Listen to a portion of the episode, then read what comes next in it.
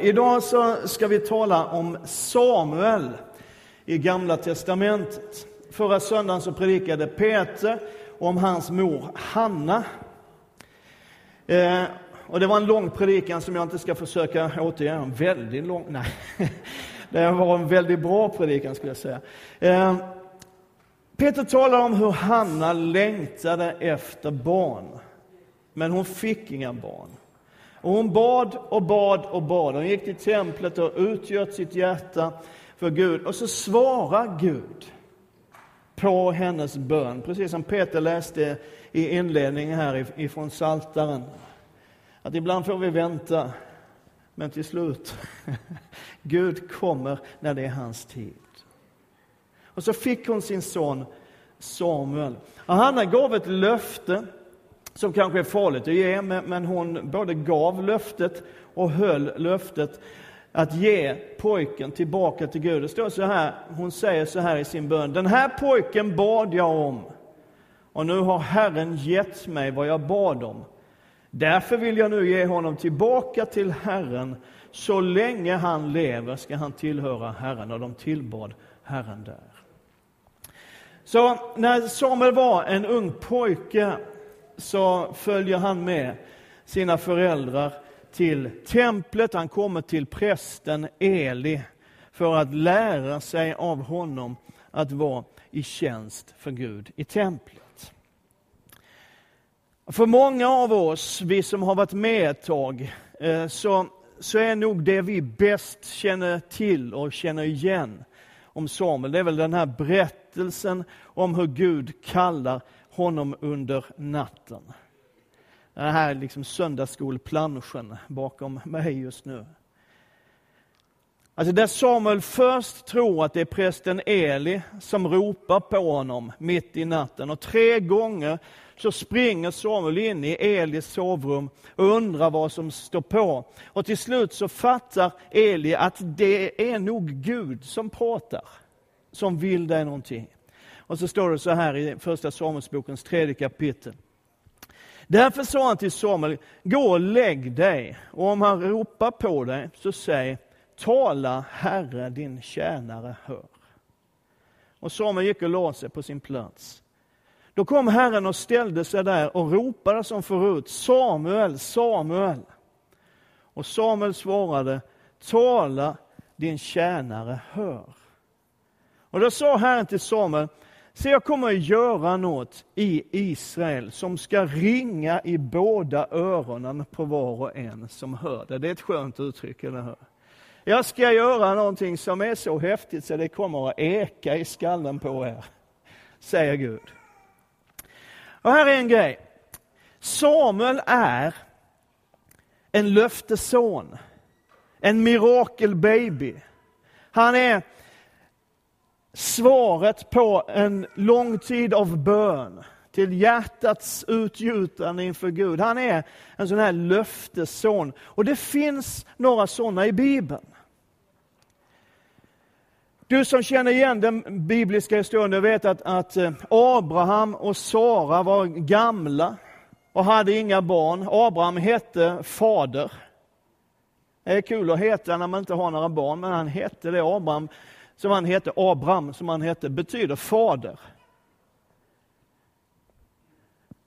Och Sara, som hette Sarai, det betyder liten furstinna. Så ger Gud dem ett löfte, ni ska få en son. Och förresten, när vi nu ändå är igång, säger Gud, så byter vi namn på er. Så du ska inte bara heta Abraham, du ska heta Abraham, som betyder fader till många. Han har fortfarande inga barn. Och Sarai som betyder den lilla förstinnan eller förstinnans tjänsteflicka. Nej, du ska inte heta Sarai, e. du ska heta Sara som betyder förstinnan.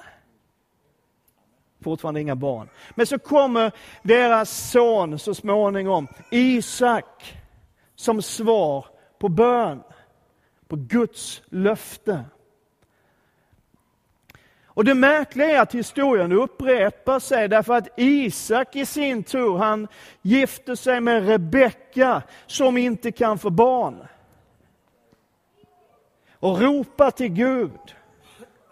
Och som svar på bön så får hon Esau och Jakob, där Jakob så småningom blir en stamfar för hela Israel.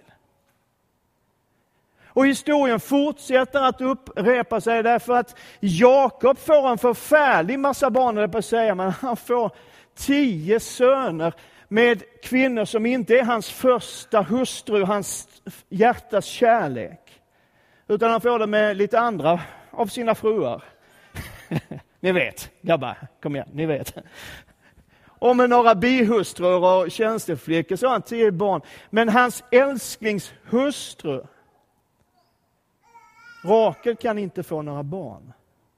Hon ropar till Gud och så får hon Josef och Benjamin. Om man kan gå in i domarboken och så hittar man någon som heter Manoas hustru. Det är ett ovanligt namn, men hon hette så. Eller också vet vi inte vad hon hette, så vi bara refererar till henne som Manoas hustru. Som föder Simson efter en lång tid av barnlöshet. Ett löftesbarn, ett svar på bön.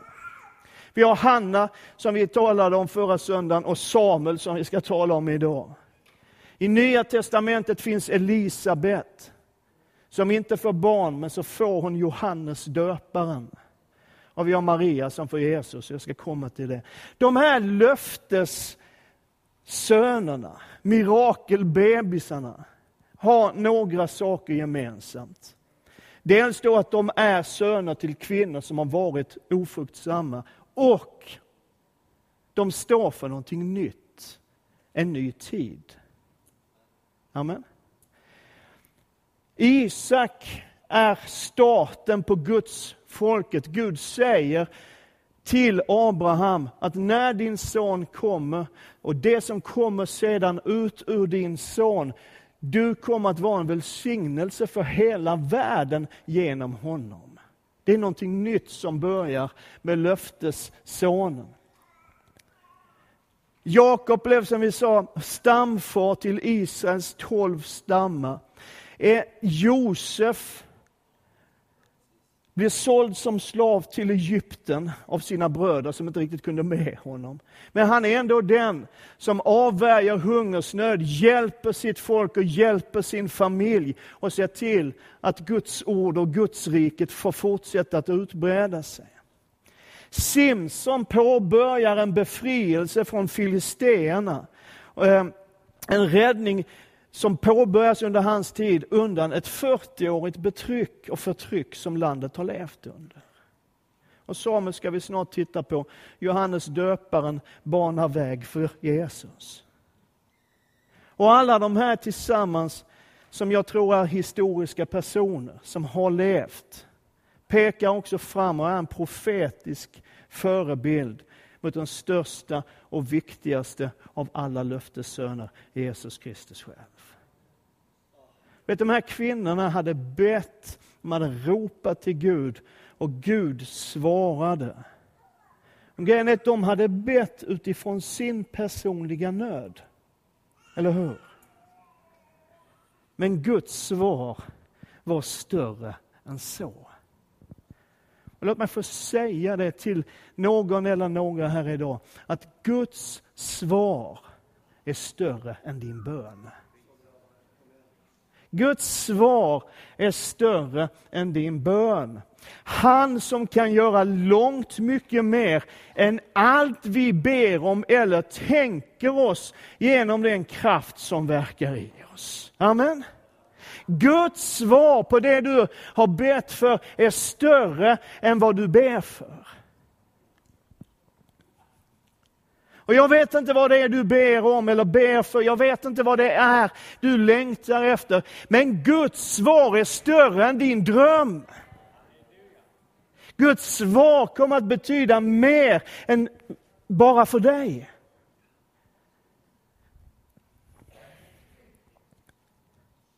Maria hade inte ens bett. Det var det sista hon hade bett om. Tonårsflicka, liksom. hon är förlovad men hon är inte gift. Liksom. Hon hade inte bett om något barn. Men hon ställde sig till förfogande när Gud sa. Hon kanske var den enda av de här som i någon mån anade vad Gud ville göra genom det barn hon födde. Löftessönerna står för en ny tid. En tid när Guds rike breder ut sig. När avguderi och avfällighet drivs undan. Och när Samuel som en löftesson föds så är det under en mörk tid i Israel. Och den sammanfattas i Första Samuelsbokens tredje kapitel, den första versen. Pojken Samuel gjorde tjänst inför Herren hos Eli. Det står så här. På den tiden var Herrens ord sällsynt. Profetsyner var inte vanliga.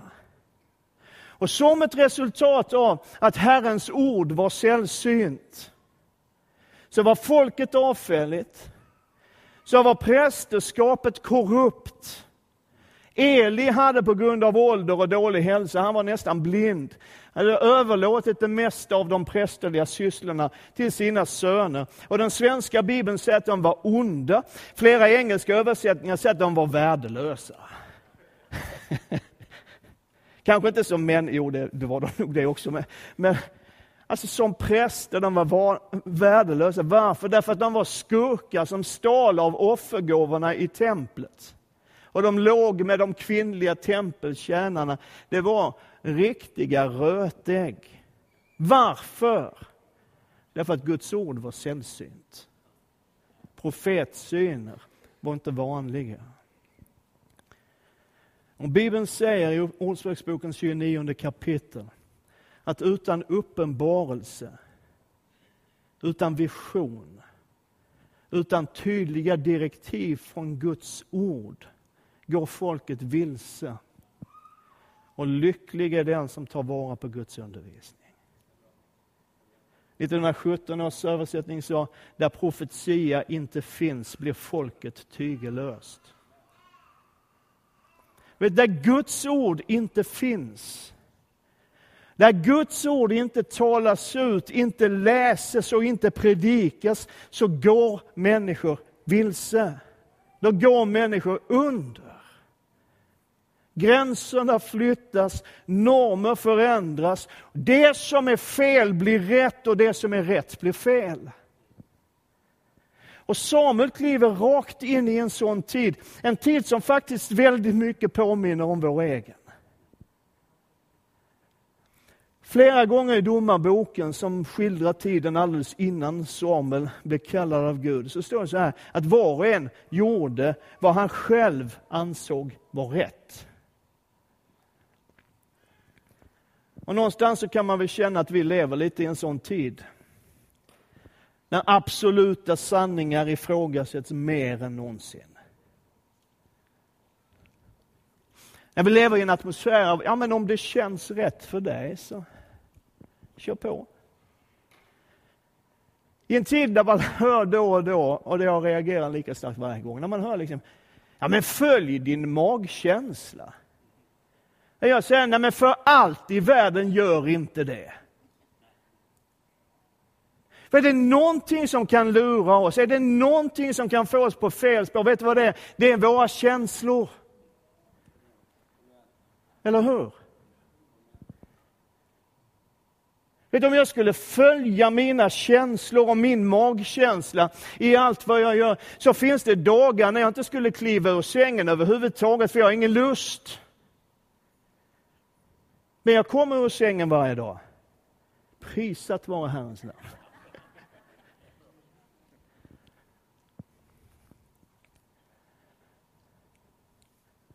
Följ inte din magkänsla. Följ Guds ord. Följ vad Gud säger till dig. Men till och med ibland i den kristna församlingen finns det en brist på Guds ord.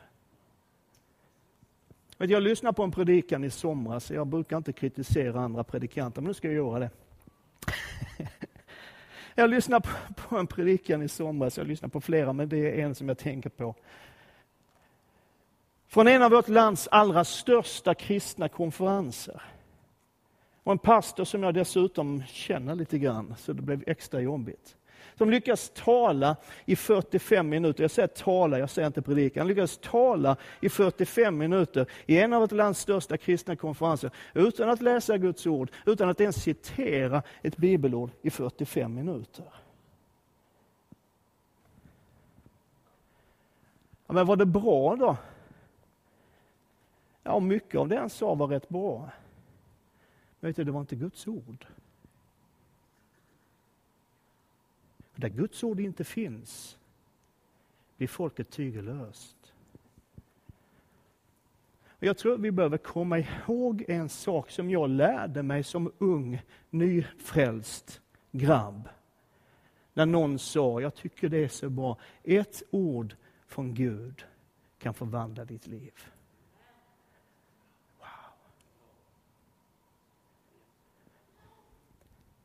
Och så söker vi i så mycket annat. Vi söker vår visdom i så oändligt mycket annat. Men vi tror på, jag tror på, att ett ord från Gud kan förvandla vilken situation som helst. Vilket liv som helst. Ett ord från Gud. Och Bibeln säger att det är ditt ord som är mina fötters lykta och ett ljus på min stig. Guds ord säger att han sänder sitt ord och det frusna smälter. Han låter sin vind blåsa och vattnen strömmar. Vet du, vi behöver Guds ord. Och vi som är Guds folk behöver återvända till Guds ord.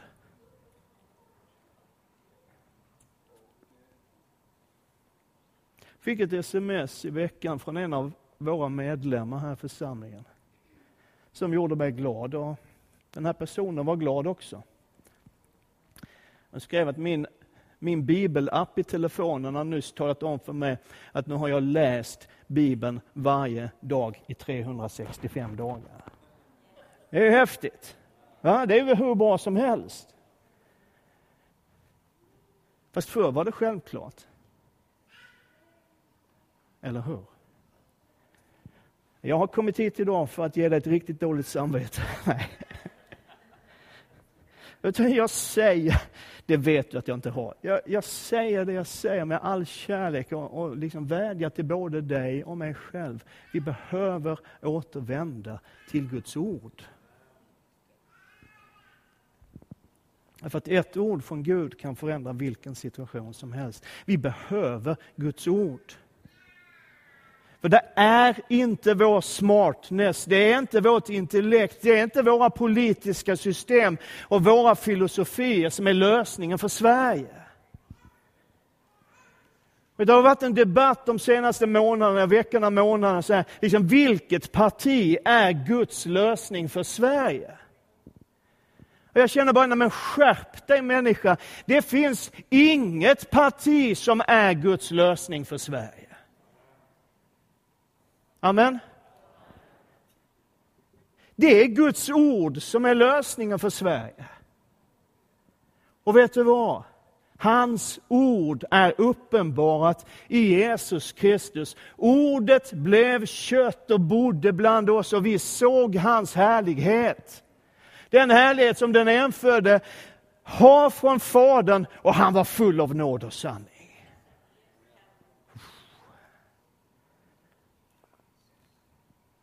Det är Guds ord. Det är Jesus Kristus och det är Guds församling som är svaret för vårt land.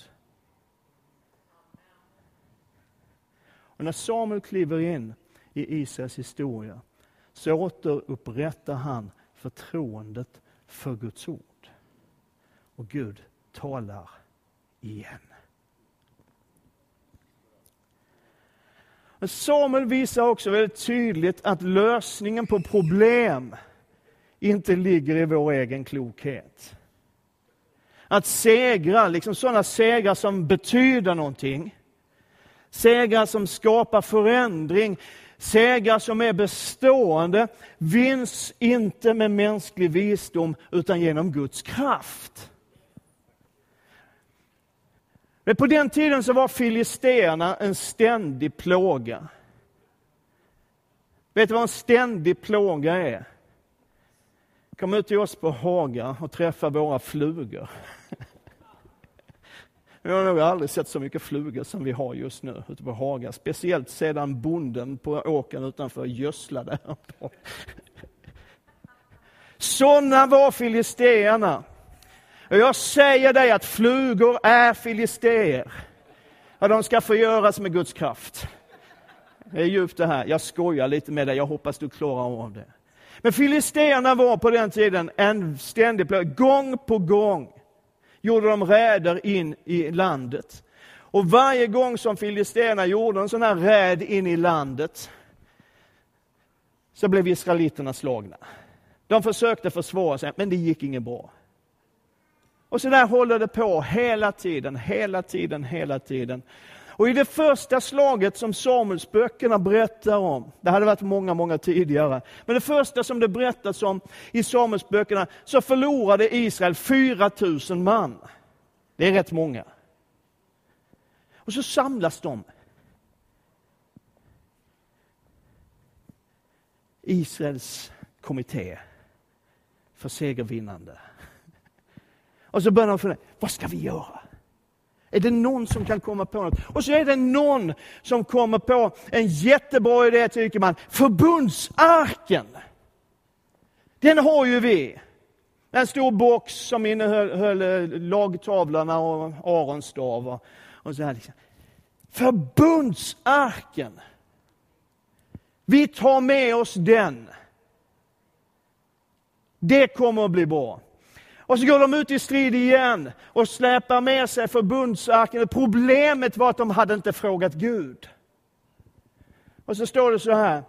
Så stred filisterna, första Samuelsboken 4, vers 10 och 11. Så stred filisterna och israeliterna blev slagna och flydde var och en till sitt tält. Nederlaget blev mycket stort och bland Israel föll 30 000 man av fotfolket. Dessutom till råga på allt elände blev Guds ark, förbundsarken, erövrad.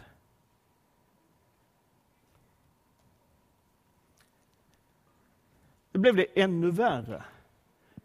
Därför att man försökte hitta på någonting själv. Och till slut, några kapitel senare i första Samuelsboken, så vänder man sig till Samuel. Och Samuel sa till alla israeliterna, Första Samuelsboken 7, vers 3-4.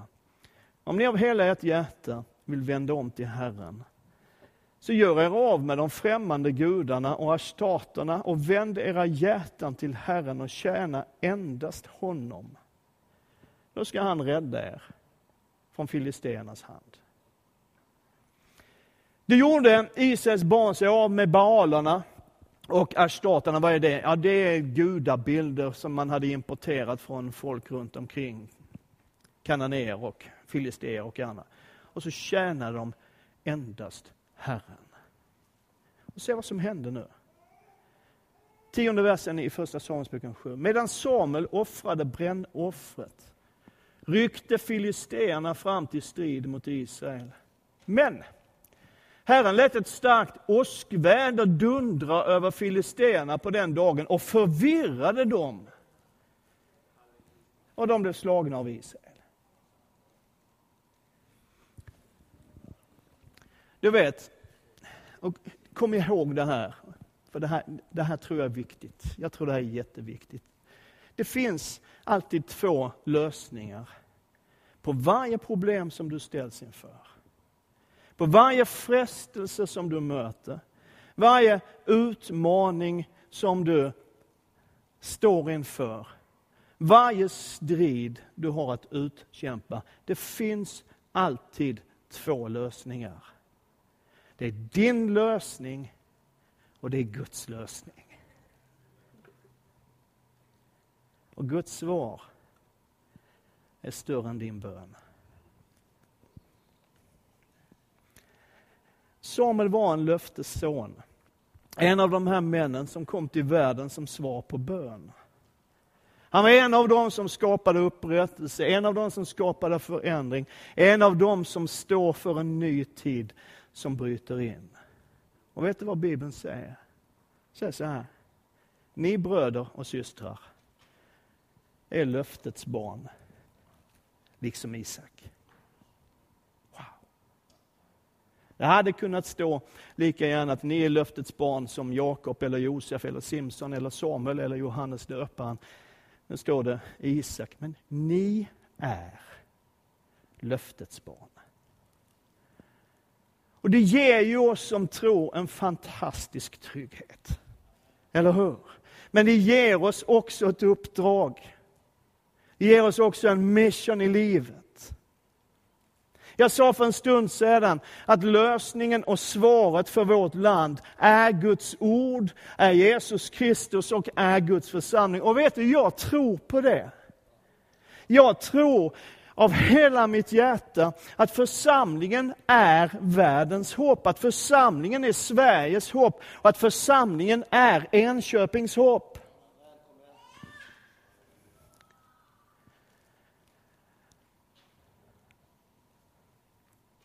Gud reser upp på nytt igen i den här tiden. Ett folk som tror på hans ord. Ett folk som håller sig till hans ord. Ett folk som söker honom, inte bara för sina egna behov. Utan för hela folket, för landet, för staden. Gud vill så mycket mer för dig och med dig än att svara på dina böner. Han vill skriva the story of your life, boken om ditt liv.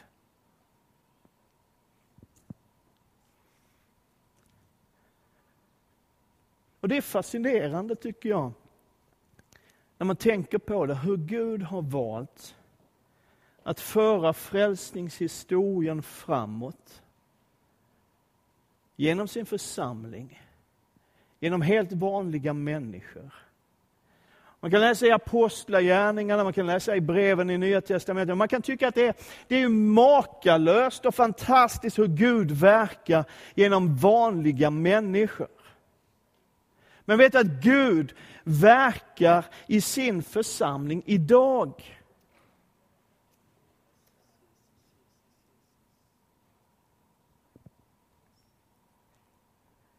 Idag för Gud frälsningshistorien framåt genom sin församling. Genom dig och mig som tror. Och den uppmuntran och den utmaningen tror jag du och jag behöver. Vi läser och ser på tv och, och filmer om hur väckelsen drar fram ut över världen. Jag har själv varit på en del av de här platserna runt omkring i världen. Där tusentals människor kan ge sina liv till Jesus i ett enda möte. Jag har sett det, jag har varit där. Men vet du vad som är så underbart fantastiskt? De har inte en annan Gud i Afrika, eller i Sydamerika, eller i Asien. Samma Gud. Som verkar genom vanliga människor, som tror på honom och som följer honom. Och därför så tror jag att vi som tror, vi som är kristna, vi som älskar Jesus, som älskar hans rike. Varje morgon när vi vaknar kanske borde be samma bön som Samuel. Tala Herre, din tjänare hör. Och allt folket sa? Amen.